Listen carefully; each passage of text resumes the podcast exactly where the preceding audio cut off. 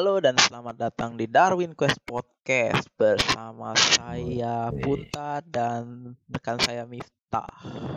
Halo Mif. Yo, Oh ya lama banget kita sudah nggak ini Nggak ada.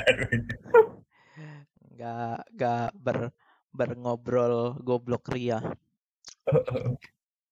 Iya, gimana sih? Aduh. Eh, jadi kita ini Ngapain mulainya kita nih? jadinya untuk season baru, weh. Karena vakum lama, season baru gitu ya. Iya, kita kita yang fresh fresh ya gitu kan, biar bangun diguyur air gitu. Oke. Berarti kita ngomongin apa? Tentang air berarti ya. Iya, tentang air. Itu biologi air tuh. Oke. Mikrobiologi air. Terlalu luas. Oh, oh. Mikrobiologi yang berhubungan dengan air. Mikrobiologi Iya. perikanan. Aku aku sebenarnya agak gimana gitu sama mikrobiologi perikanan coy. Kayak apa? Sama sama sama jurusan perikanan juga kan nggak cuma ngurusin ikan, emang udang itu ikan. Terus kepiting juga ikan gitu.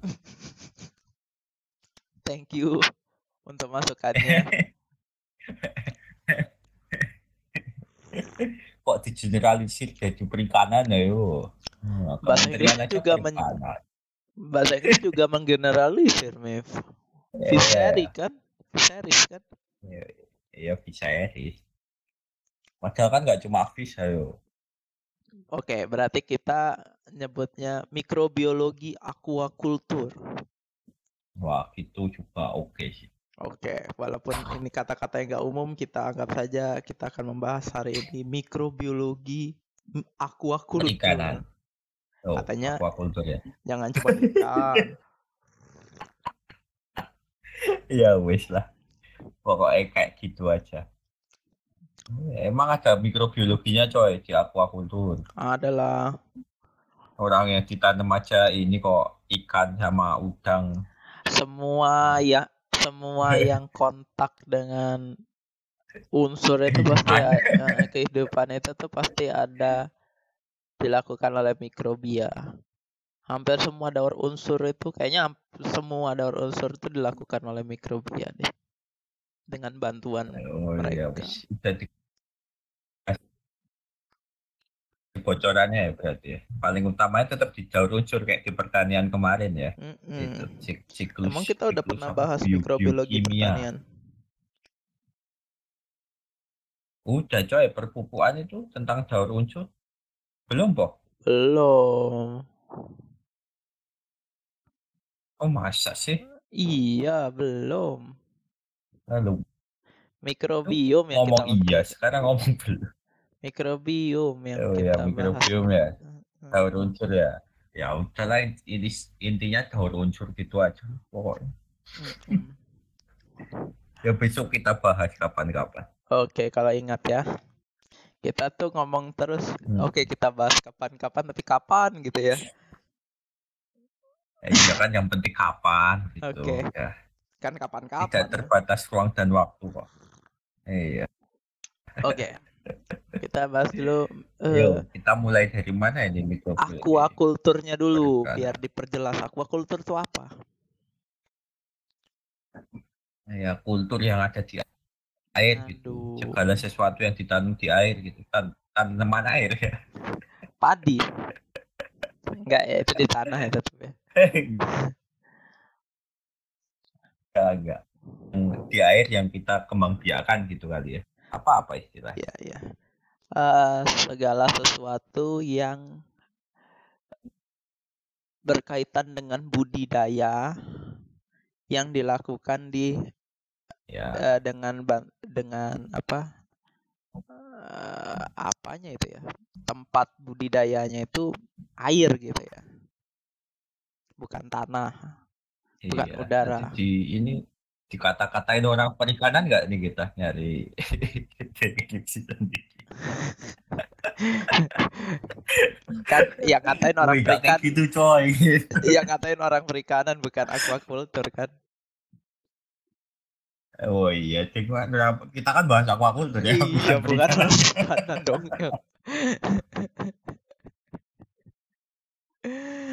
Aduh, tolol. Ya jelas. Soalnya kultur sendiri kan budidaya. Dari Budidaya, kata dasar budaya. eh, Kayak budidaya akuatik ya. Jadi budidaya yang dilakukan di lingkungan perairan. Yang itu bisa meliputi Ya. kolam, sungai, tambak, laut gitu. ya, kayak gitu-gitulah. Apa aja ya, Budidaya apa juga apa pun ya. macam-macam. Pokoknya kegiatan Bisa budidaya, Kepiting, Bisa ikan, udang, kepiting, apa ubur-ubur. ubur-ubur ada budidayanya mau di sini. Di sini sih nggak ada, tapi kan ada yang mau budidayakan ubur-ubur. Bulu babi dibudidayakan. Enggak kayaknya. Dicukur, bul, bul, babi lewat dicukur.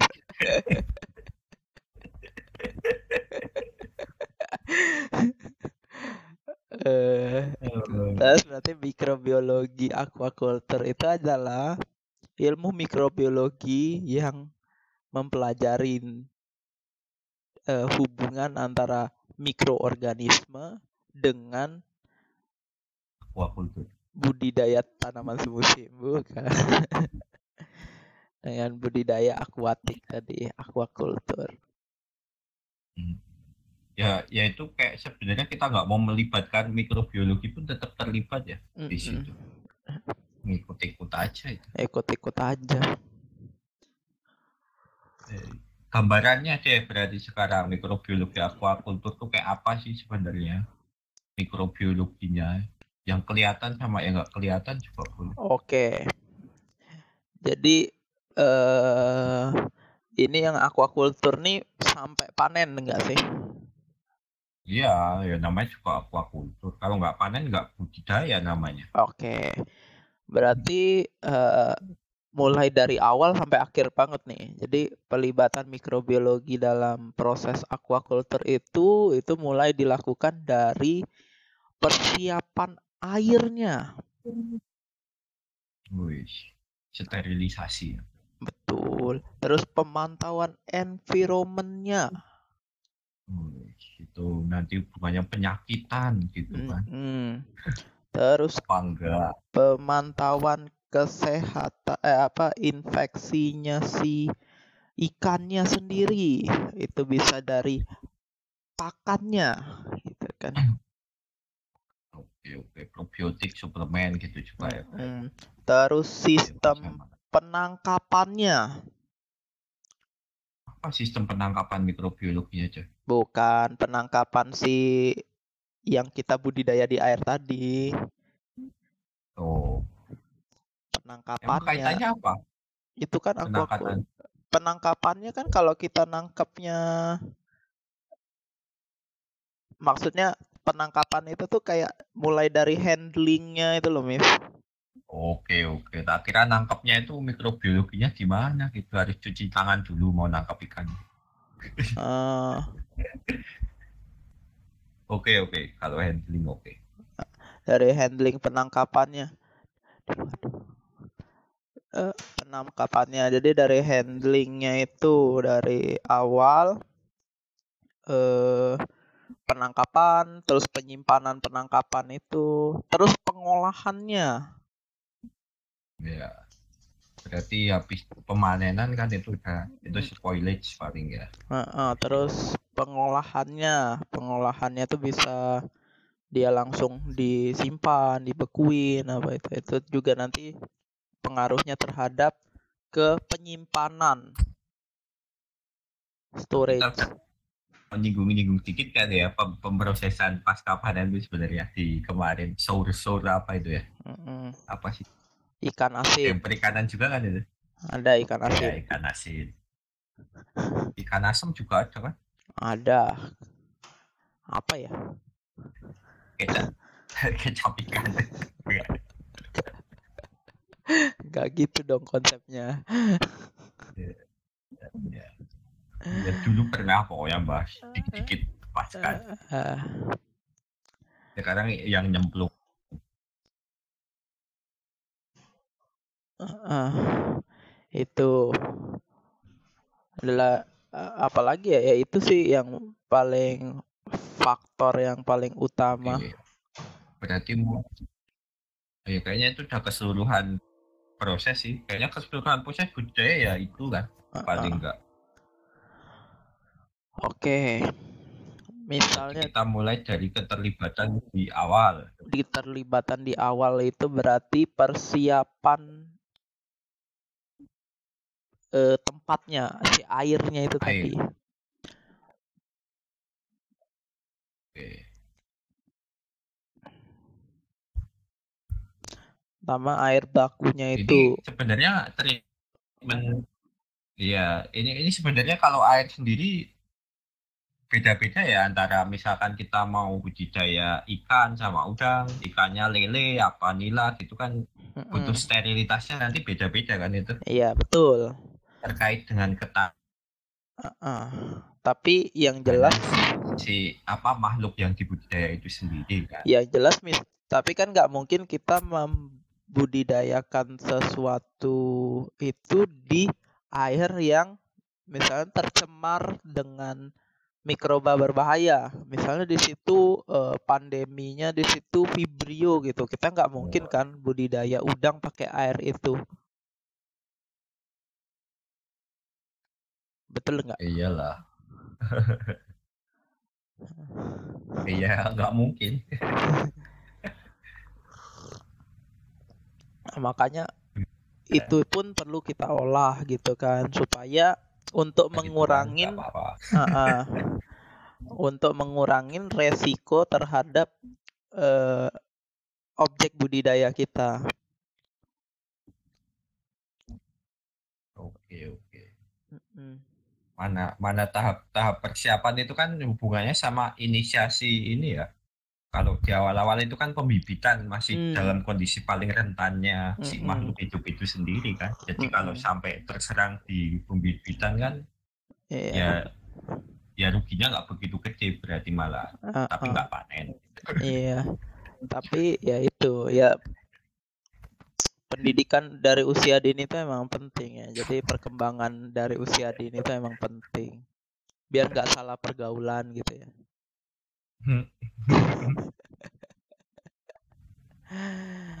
Oke. Terus lanjut ke yang paling penting kedua itu yang kena yang bersinggungan dengan mikroorganisme lagi itu di environmentnya. Jadi Wah, tadi itu- sudah airnya udah di iniin kan dia di di di di dalam misalnya wadah budidaya, misalnya wadah budidayanya tambak gitu kan. Itu kan juga harus diukur terus nih keset karena kita kan maunya mikroorganisme yang ada di lingkungan itu semuanya yang positif untuk objek budidaya kita. yang baik-baik aja jangan yang jahat gitu ya. Mm-mm. Yang mendukung pertumbuhan si udang Heeh, apa ikan gitu. heeh. Atau kepiting. Sebutin aja semua. Ubur-ubur, ubur-ubur. Boleh, berber boleh. Duyung, duyung. Kan. ini kan juga nanti kaitannya dengan daur siklus di dalam eh, lingkung environment budidaya kita.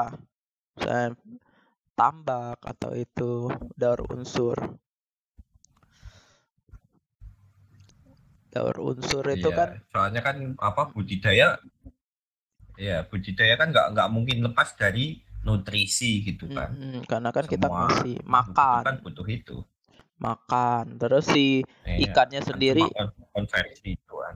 habis makan pipis gitu kan buang air Oke, besar ikannya. buang air besar nah itu kan juga membuat environmentnya itu kan berubah chan- changing kan nah mungkin ada di situ peningkatan nutrien nitrogen fosfat di situ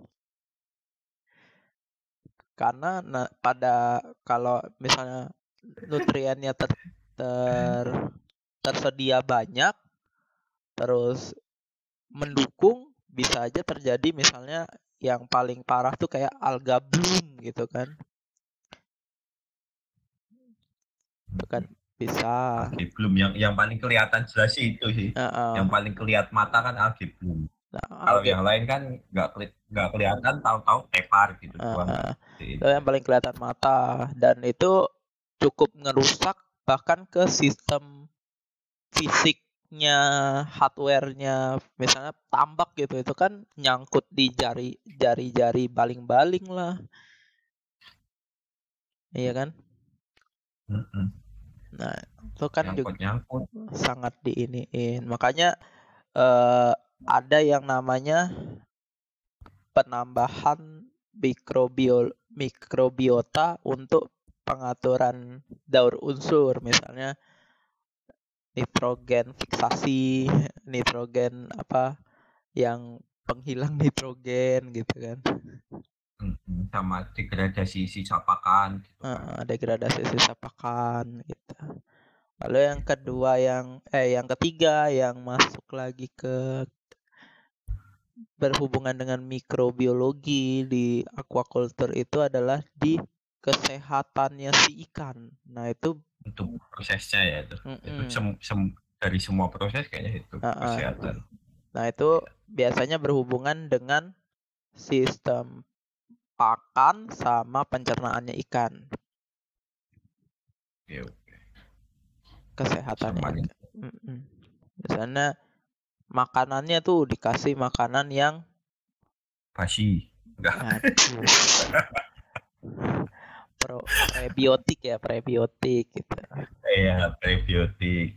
Ya, jadi mening- prebiotik meningkatkan kemampuan eh apa meningkatkan mikrobia baik yang ada di perutnya ikan. Yes, natural mikrobiumnya perut Iya, ikan. natural microbiome. Pre- prebiotik itu di kolam itu juga masuk prebiotik gak sih? Enggak ya? Di kolam itu termasuk prebiotik enggak apa? Kalau yang di feed si kolamnya gitu maksudnya. Itu masuknya probiotik kali ya nggak tahu aku. Ya ya mungkin. Maksudnya maksudnya kalau misalkan by design kita Heeh. uh, mensupport mik- mikro mikrobiom tambah gitu nggak cuma Mm-mm. yang di perut gitu kan di pakan itu sendiri. Soalnya itu tuh masuk soalnya tuh lucunya di sini Mif eh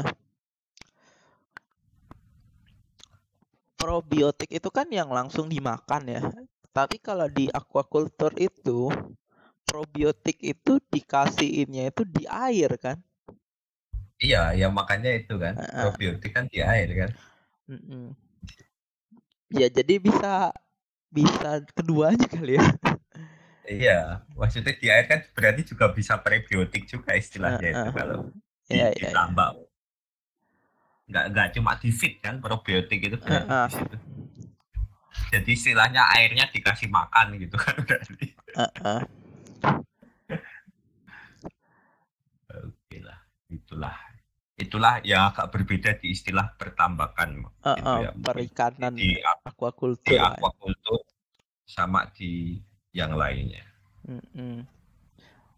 kan probiotik gitu kan katanya probiotik gitu kan probiotik. Ya mungkin probiotik yang dimaksud itu pro buat biotiknya tuh lelenya gitu ya. Ya, bio- probiotiknya itu. Ya bisa jadi kan gitu. Yang penting pro gitu. Dan salah satu teknik budidaya kalau di aquaculture yang mengandalkan banget mikroorganisme itu kan bioflok gitu kan bioflok. Ya bioflok. Terus Jadi- di siklus mikroorganismenya Heeh. ngevlog di bidang biolu enggak lu ngerekayasa lingkungan dengan merekayasa lingkungan dengan pemanfaatan mikroorganisme. Jadi untuk yaitu memaksimalkan daur unsur tadi supaya ikannya ikan atau objek budidaya lainnya itu enggak keracunan gitu entah keracunan karbon dioksida, keracunan oksigen, keracunan nitrogen gitu. Iya, ya kalau nggak dikontrol kan biasanya fluktuatif banget itu bakalan. Mm-mm. Tadi CO-nya apa nitrogen yang tersedia juga. Mm-mm. Ya itu sih yang paling populer. Terus ke sudah sudah dibudidayakan nih berhasil nih waktu tinggal panen kan. Nah, berarti pasca panen. Pasca panen Panennya nggak ada ya. Panennya nggak nggak terlibat ya mikrobiota.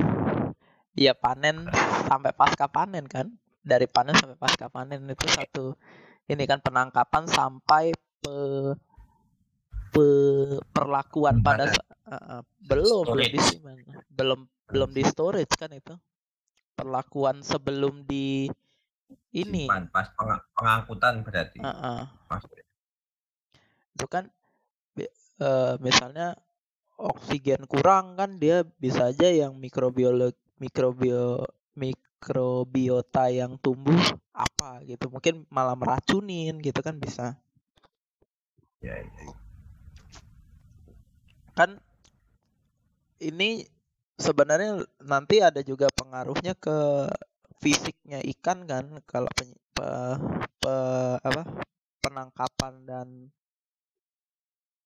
perlakuan pasca penangkapan itu Eh, stres gitu ya. ikan. stres ikannya terus butuh psikolog gitu kan Iya, betul konseling. butuh konseling.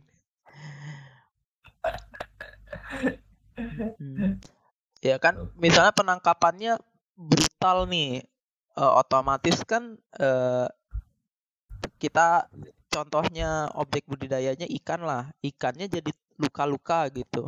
Nah itu kan menyebabkan mikroorganisme yang dianggap manusia buruk lebih gampang nginfeksi kan? Nah, lebih, lebih gampang infeksi kalau. Soalnya kan nggak nggak ada perlindungan dari kulit ikannya itu ya. Jadi tinggal masuk masuk aja. Mm. Terus ikannya jadi stres. Terus lang ke pengolahannya, terus pengolahannya ikannya ini mau diolah kayak mana gitu, cuman disiangin, apa dibersihin perutnya, itu kan juga pengaruhnya nanti ke ke jenis mikro mikrob yang nantinya bakal ada di di produk akhir kan.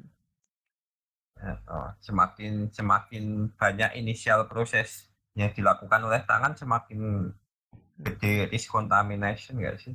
Itu berarti inisial proses. Entah diapain itu. gitu. Semakin lama juga diolah itu juga semakin memperbesar kemungkinan bahan bahan itu rusak gitu. Objek objek aquaculturnya tadi produk aquaculturnya tadi rusak. Lalu setelah diolah dengan sedemikian rupa juga perlu disimpan dengan sedemikian rupa. Biasanya kalau dibutuhkan penyimpanan jangka panjang tuh kan di freezing. Nah, itu kan freezing kan juga nggak boleh ada misalnya Listeria monocytogenes gitu kan. Bahaya-bahaya gitu. Di freezing aja tetap ada resiko kontaminasi. Eh, gitu eh. kan.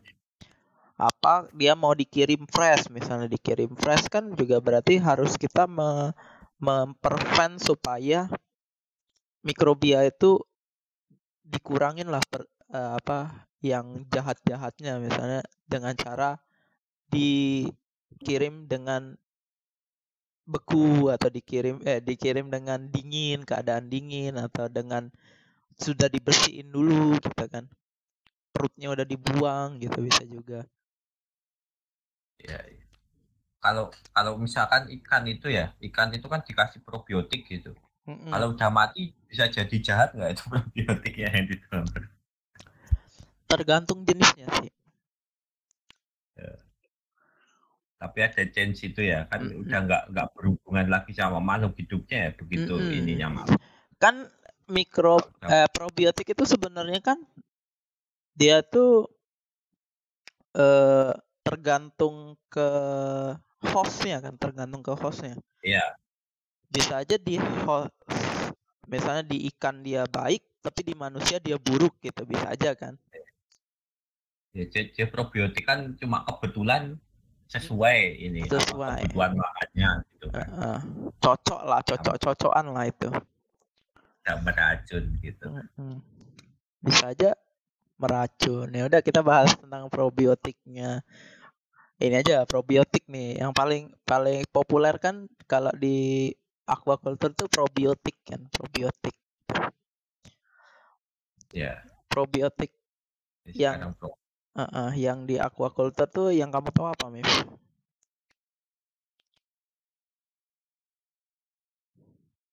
Halo? ya ini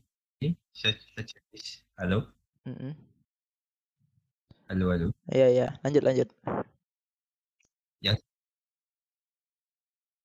oh ya yang sering aku tahu sih yang pernah pernah nangani sedikit sih itu lactobacillus gitu kan. Mm-mm. lactobacillus planetarium. Planetarium ngawur. beberapa ya, ya. terus kalau yang yang lain kalau yang buat lingkungan itu Enggak ya. terus terus kalau yang buat lingkungan itu kan ini biasanya si bacillus bacillusan itu buat si siklus sisa pakan si enzimnya itu kan Hmm, siklus sisa pakan siklus sisa pakan juga Gitu, Pak. Ya itulah. mendekomposisi itunya Heeh. Wah. Ya bisa benar itu.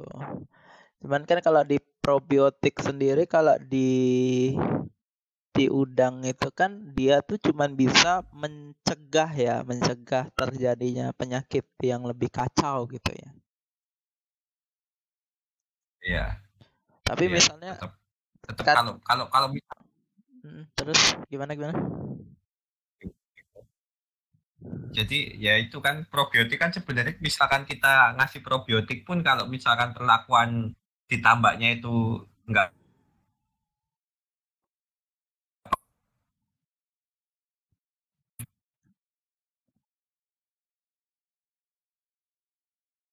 Halo?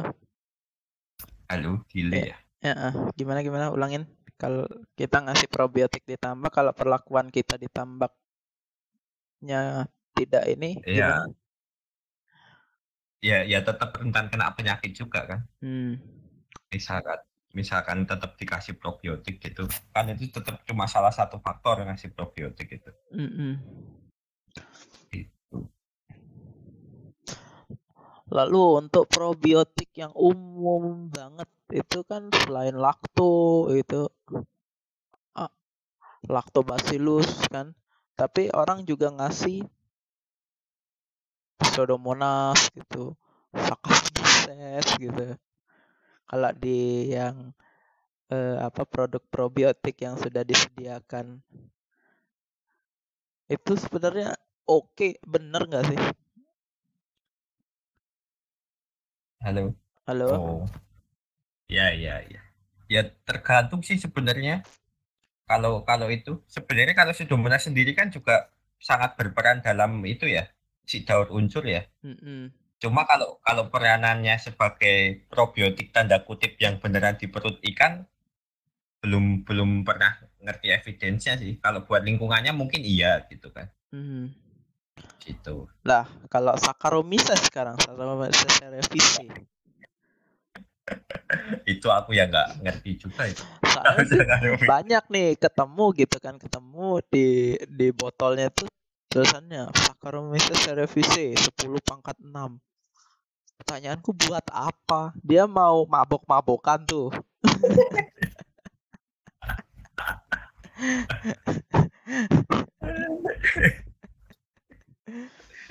Oh iya ya, produksi CO2 ditambah mungkin kan.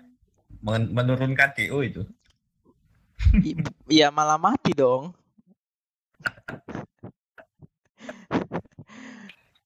Misalnya udang nih, DO-nya nurun ya, dia malah ini dong sesak napas dong, apalagi udang itu kerapatannya tinggi biasanya kalau ditambah. siapa tahu ketinggian gitu kan DO-nya cuy mau diturunin apa sangat mises gitu. DO ketinggian tuh gimana coba? Nah mungkin ini yang orang uh, kadang kalau yang nggak begitu paham tuh mengartikannya kalau dengan penambahan apa namanya probiotik itu tuh bisa mempertahan eh, mengurangin yang patogen-patogen yang sudah ada di airnya gitu kan. Iya. Itu dan, dan ini itu benar kalau dia berhubungan dengan bakteri. Bisa gitu. Tapi kalau virus yang ada di situ hmm. ya ya nggak bisa probiotik Nah, makanya kan tetap butuh ya virus kan masih lingkupnya kan mikro mikrobiologis yeah. mikrobiologi kan. Nah, itu biasanya sih kalau memang sudah keserang virus dan virusnya itu udah banyak di situ, cara satu-satunya yang harus dilakukan adalah ganti air. Hmm, hmm.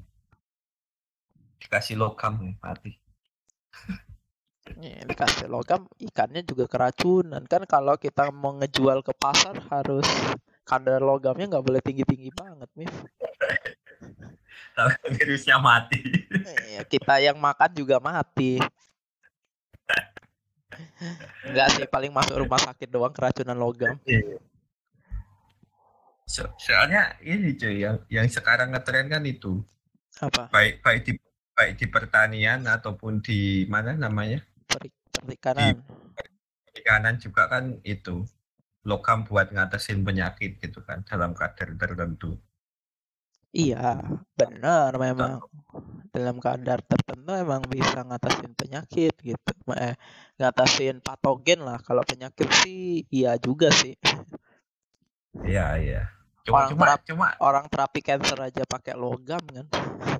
Iya, cuma itu itu kalau misalkan dosisnya agak gila-gilaan dikit itu impactnya bahkan lebih parah ketimbang antibiotik dulu mungkin ya. Mungkin. Ya, saya probiotik ngetren itu kan gara-gara pembatasan antibiotik kan, cuy, awalnya tuh. Uh, uh.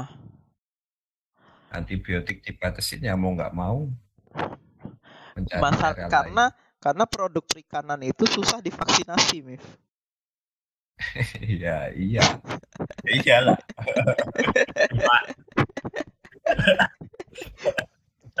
Kalau misalnya kayak produk peternakan gitu, kayak sapi gitu, ya. itu masih Ayam. bisa di, uh, masih bisa divaksin. Jadi pengurang apa pengurangan an, apa pemakaian antibiotik di peternakan itu tuh menjadi signifikan dengan kenaikannya vaksinasi di peternakan. Nah, sedangkan kalau perikanan kan nggak bisa tuh, masa 10 juta udang gitu disuntikin satu-satu gitu. Iya. Itu maksudnya juga gimana dari benur itu? Suntiknya cuma udangnya aja dengan suntik. itu sih kalau kenapa agak sulit kalau di itu di perikanan. Ya, itu kan yang menyebabkan si apa monitoring yang terus-menerus itu kan diperlukan mungkin ya di perikanan. Mm -hmm. Jadi lebih lebih ke preventif kan kita bisa melakukannya. Mm -hmm. Selagi misalkan udah ternyata terdeteksi keserang virus dari masih umur tiga minggu gitu kan langsung uh, uh. dimusnahkan nggak begitu masalah ketimbang uh. mau kedeteksinya mau mau panen gitu kedeteksi ya udah pusing gitu uh, uh. Udah pusing itu pasti. Benar benar. Ya kan uh, mikrobiologi mikrobiologi di sini di aquaculture itu kan di semua bidang sih lebih tepatnya. Itu tuh lebih ke kita itu mau pelajarin lebih ke pencegahannya. Karena mencegah hmm. lebih baik daripada mengobati betul? Iya. Ya, mana-mana kayak gitu ya, semacam inilah ya manajemen resiko gitu lah ya, ya. manajemen resiko. Medisnya bagaimana gitu kan. Ya, uh, misalnya udah terserang penyakit, uh, biar kita harus nge, nge ngulang misalnya ngulang ngulang penanaman udangnya gitu kan itu harus benar-benar di disiapin bener supaya tambak yang tadinya itu tadinya udah tercemar virus tadi itu benar-benar bersih gitu kan. Supaya batch berikutnya tuh aman gitu. Yeah. jadi kerugiannya jadi nggak begitu besar gitu. Se sebenarnya kalau kalau ditambah itu kamu pernah tahu ada ini nggak sih? Asesmen mikrobiologinya gitu. Apa emang nggak ada untuk di beberapa tambak yang mungkin udah gede gitu ya, mereka biasanya ngirim sampel sih Mif ke lab-lab uji untuk mengukur eh, kadar vibrio. Kadar vibrio di airnya ya? Iya. Tapi itu cuma untuk yang tambak-tambak gede, Mif. Tapi kalau tambaknya yang punya orang kecil gitu. Punya orang, orang kecil ya. Dwarf ya. Bukan dong. dua dua dua kecil sih. Tapi lebih kecil lagi tontanta.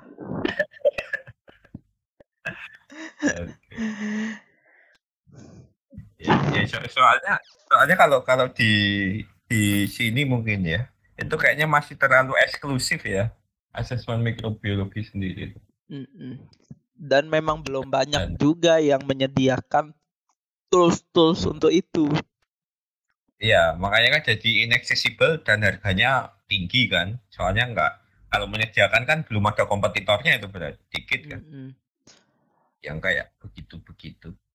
Iya, bahkan untuk misal probiotik aja ya cuman beberapa ya masih cuman beberapa perusahaan yang punya benar-benar diakui gitu diakui keabsahan ininya gitu produknya. Yang lain kan dia memang punya produk tapi kan kadang nggak bersertifikat gitu gitu kan. Diakui bahwa itu probiotik gitu kan. Mm -mm. dan cuman kebanyakan kan klaim pribadi. Iya. Makanya banyak okay, masih okay. Saccharomyces probiotik itu kan nonsense Iya. Mungkin mungkin ini yang iya, yang ya, yang ya ya kita udah pernah singgung ini kan yang bisa disebut probiotik itu tuh sebenarnya adalah yang dia bakal masuk ke sistem ini dia sistem tubuh dan dikeluarin lagi gitu. Iya. Makanya kalau assessment di manusia sendiri kan sampai ke fesesnya kan. Dia bisa bisa bertahan di lingkungan perutnya yang cukup ekstrim nggak biotik itu sendiri. Hmm. Gitu. Terus membantu nggak dengan kalau, ada kalau, penambahan dengan penambahan itu membantu nggak pertumbuhan optimasi pertumbuhannya kesehatannya. Iya. Ya dia sampai keluar bisa tapi malah menurunkan kesehatan itu bukan probiotik itu namanya patogen. Iya kalau checking probiotik gitu sampai kayak gitu udah ada belum sih? Kalau di ikan, aku belum pernah menemui ya. Eh, uh, klaimnya kalau, sih kalau, belum ada kayaknya nggak tahu aku. Aku belum. Soalnya kalau aku, aku yang riset riset dulu uh -uh. tentang tentang ya si lakto itu kan ininya kebanyakan riset itu cuma diuji ini penghambatan terhadap vibrio kah, mm -mm. Terus sama ini bakteri Aeromonas gitu-gitu aja sih. Jarang-jarang yang dilewatin. Oh ini keluar lagi dan bertahan di perut itu uh, uh, di bedah di bedah gitu ya diamatin gitu. Aman enggak gitu? Iya sih belum iya. sih. Ya mungkin jangan itu bukan probiotik. Iya makanya kadang klaim probiotik itu kadang eh, kurang gitu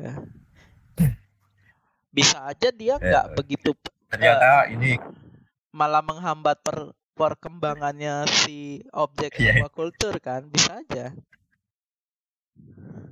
Ya tahu-tahu tanya mindset gitu kan. Bisa aja sih ya itu.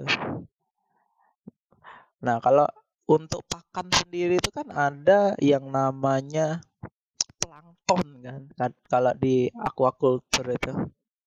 Itu kan juga termasuk objek Iya, iya. mikrobiologi itu. Nah itu kan juga disiapin perbanyakannya kulturnya. Salah satu plankton yang paling sering diperbanyak itu kan mikroalgae kan untuk makanan juga itu. ya plankton. Oke Sebenarnya ya mikrobiologi di mana pun itu ya belajarnya ya kebanyakan sih daur unsur terus preventif penyakit ya gitu-gitu doang. Sama yang preventif penyakit sebenarnya masuk daur unsur juga nggak sih kalau di runut-runut itu? Hmm, bisa jadi tapi juga bisa enggak Hmm. Kan kita make it available apa enggak buat penyakit gitu kan sebenarnya tuh. entah kondisi lingkungan atau makanannya itu sendiri kan. Heeh. atau memang dari sananya emang udah gitu? Jadi saya udah gitu tuh repot itu.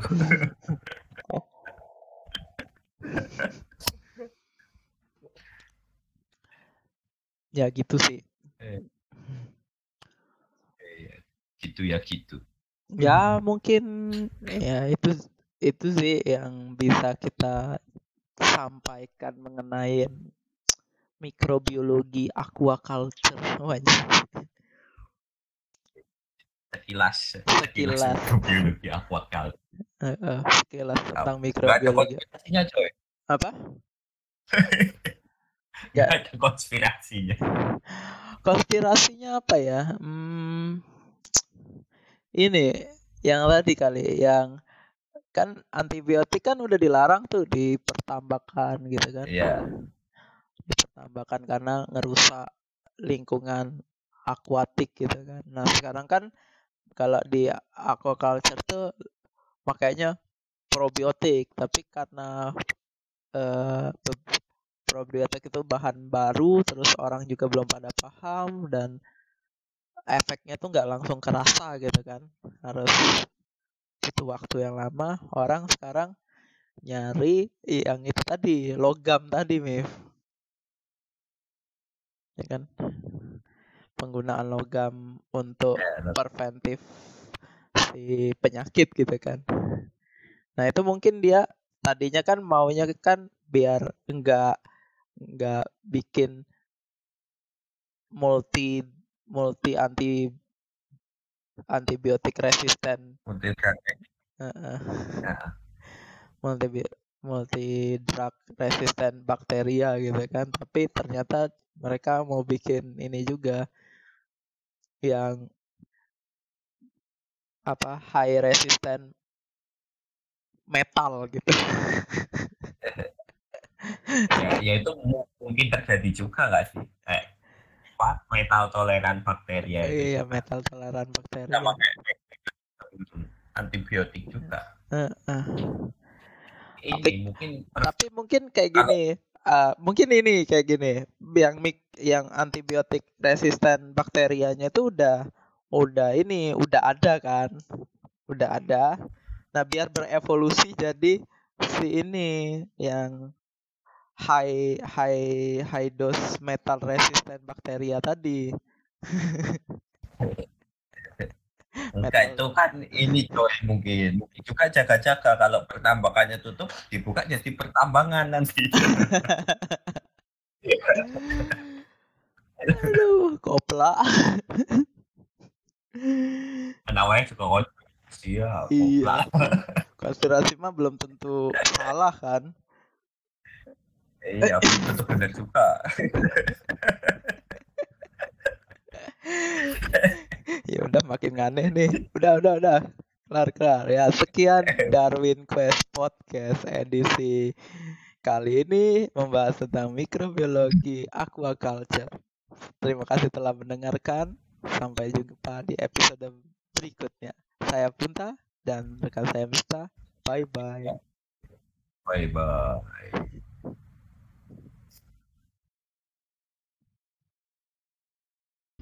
Música